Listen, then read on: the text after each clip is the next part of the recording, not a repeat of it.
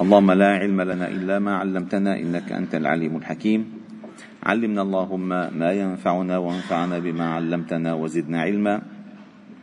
واجعلنا ممن يستمعون القول فيتبعون أحسنه. وأدخلنا برحمتك في عبادك الصالحين. وبعد. فلا نزال معكم أيها الأحباب الكرام في مجالس القرآن ضمن دروس القرآن الفجر وتحلو بنا المسيرة في سورة آل عمران هذه السورة المباركة التي هي صنو سورة البقرة في الفضل والأجر والنور. إذ أن النبي صلى الله عليه وسلم جمع بينهما بقوله بأن سماهما كلتيهما الزهراوين الزهراوين وهما تأتيان معا يوم القيامة. تأتيان معا. وهما ركنا بناء الإنسان المسلم بداية. لأن الإنسان المسلم يبنى فكريا فكريا وعقديا وبالمعاملة تعبديا. هذه السورتان أو هاتان السورتان تكفلتا بذلك. أفهمتك أفهمتك أي أفهمتك أيها المسلم كل ما ينبغي أن تفهمه من خلال ما أمرك الله تعالى به. من عبادات وامتلأت سورة البقرة بالأحكام الشرعية. وبمن سبق أن نزل عليهم الكتاب وبما حصل لهم كاليهود. وبالمحاججة التي يحاجونك بها كالنصارى. فأنت تفهم الواقع الذي أنت فيه. وكل إنسان كل إنسان لا يفهم الواقع الذي فيه.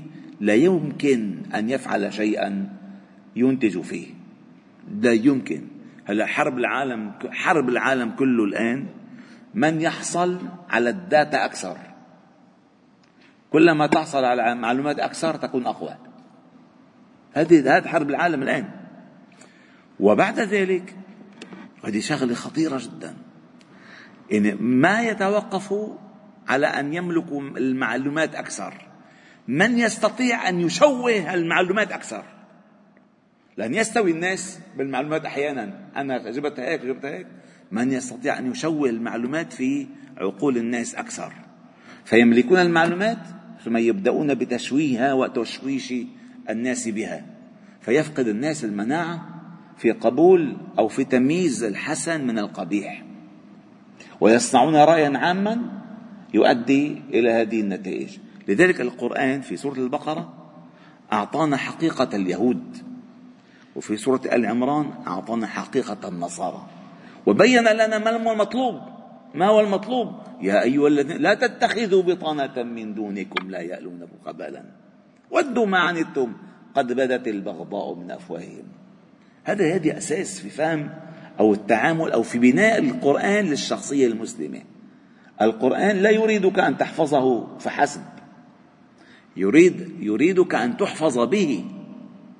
لا أن تحفظه. أن تحفظ به يعني أن تأخذ المعلومات التي من خلالها تحفظ. لا فقط أن تحفظ المعلومات التي فيها أنت وتقف. لا. كما إنسان راح عند الدكتور قال له الدكتور ها الروشتة. والله طلع فيها ممتازة. طيب شو بعدين؟ راح جاب الدواء ممتازة. حط الأدوية قدام وجهه ونام. ما استفاد. ما استفاد. هو حفظ اسم الدواء. وحفظ طريقة الاستعمال ولكن ما استعمل ما استعمل شيئا. لذلك بقدر ما تعلم من كتاب الله بقدر ما تحفظ به. لا بقدر ما تحفظ تحفظ. عليك أن تحفظ بقدر ما تريد أن تحفظ تحفظ. أي تحفظ المعلومات التي ينبغي أن تحفظها. القرآن هذه قاعدته. فبعدما انتهى من سورة أو من قضية أهل الكتاب في آه، سورة آل عمران بدأ كما ذكرت لكم في سرد قصة غزوة أحد.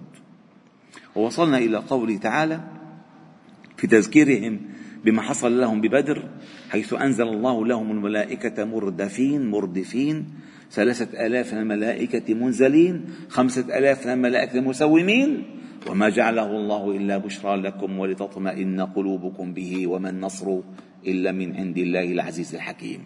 طيب قال ليقطع ليقطع طرفا من الذين كفروا أو يكبتهم. فينقلبوا خائبين ليس لك من الأمر شيء أو يتوب عليهم أو يعذبهم فإنهم ظالمون. هذه الآية في أشهر أقوال المفسرين أنها تابعة لغزوة بدر. أي ما حصل في بدر من إنزال النصر وإمداد الملائكة إنما كان لي أي بسبب أي كي يقطع طرفا من الذين كفروا. كما حصل فقتل سبعون من صناديد قريش. وأسر سبعون من أشرافهم واغتم الباقون ونكدوا. كبت وكبد. نفس المعنى. أي اغتم.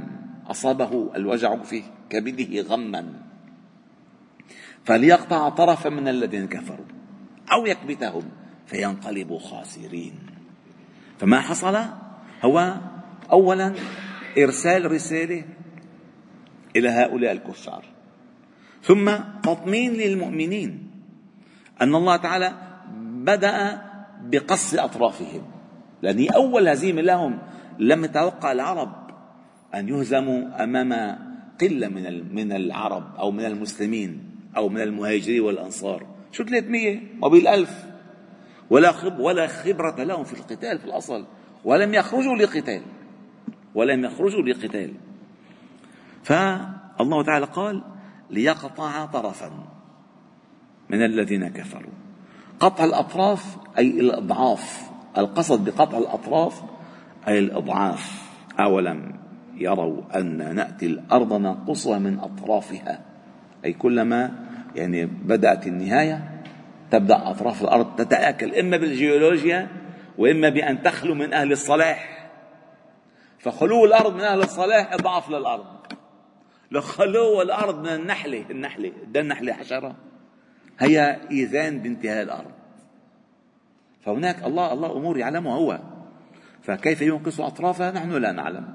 لذلك قال أفهم الغالبون؟ أفهم الغالبون؟ لا الله هو الغالب. فقال ليقطع طرفا من الذين كفروا أو يكبتهم.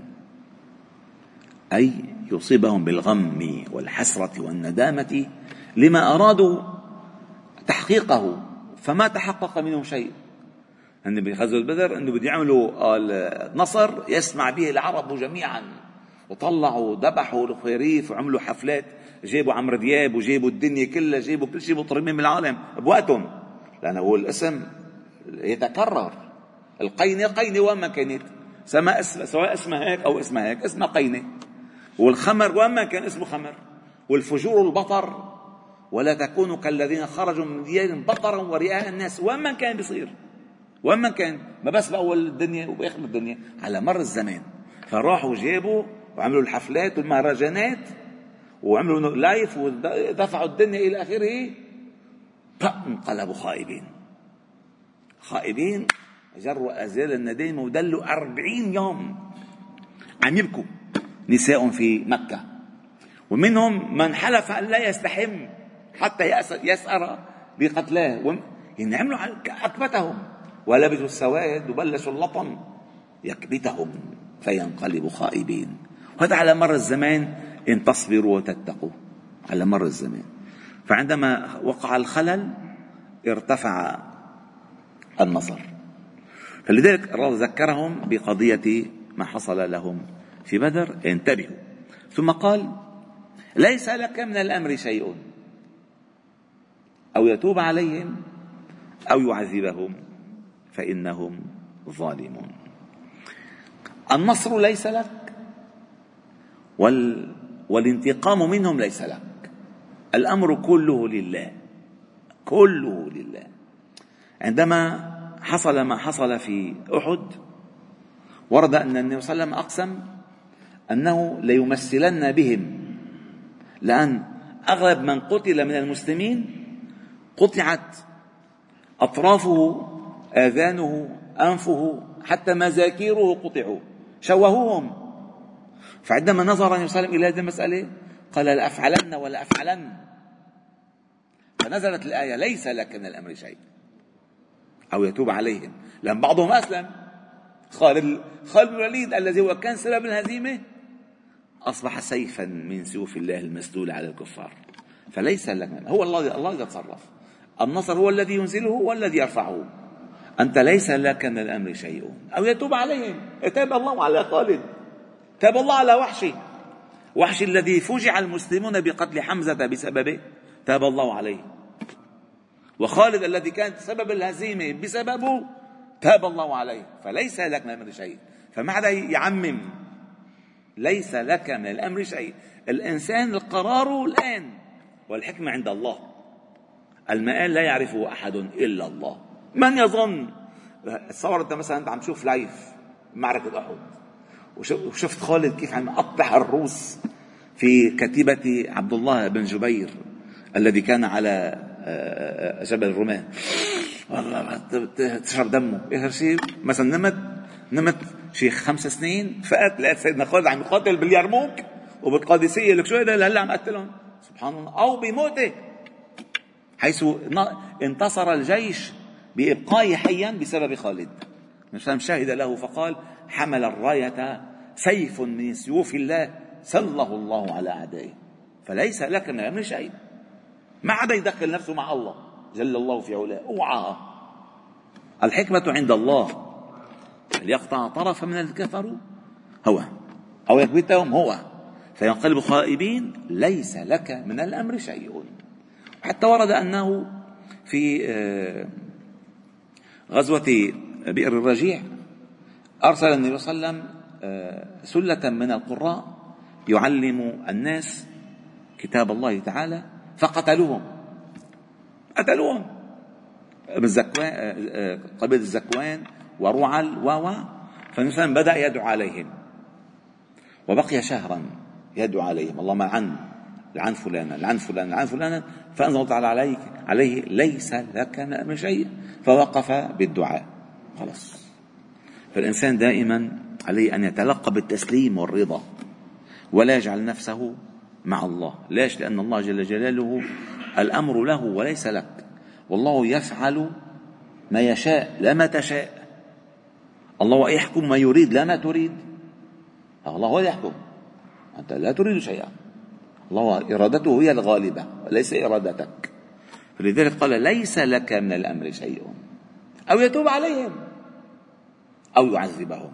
من يظن أنه سهيل بن عمرو سهيل بن عمرو أو عمرو بن العاص اللي راحوا عند النجاشي يقلبوا يقلبوا النجاشي عليهم وفوضوا بالحديبية وحطوا بنود الذل أن يصبحوا من كبار قادة المسلمين. من يظن؟ الله. لذلك عندما آه، رده أهل الطائف وأرسل الله تعالى إليه جبريل معه ملك الجبال قال هذا ملك الجبال بين يديك مره فليفعل ما يشاء فقال يا محمد إن شئت أن أطبق عليهم الأخشبين. ما بي ما بيسوي الأرض فيه ما بيدل حدا قال بل أدعو الله أن يخرج من أصلابهم من يعبده لا يشرك به شيئا. وهكذا كان هكذا كان. فقال ليس لك من الأمر شيء أو يتوب عليهم أو يعذبهم فإنهم ظالمون. ولله ملك السماوات والأرض يغفر لمن يشاء ويعذب من يشاء. والله غفور رحيم. والحمد لله رب العالمين. سبحانه وبحمدك نشهد أن لا إله إلا أنت نستغفر ونتوب إليك. وصلي وسلم وبارك على محمد وعلى آله وأصحابه أجمعين. والحمد لله رب العالمين.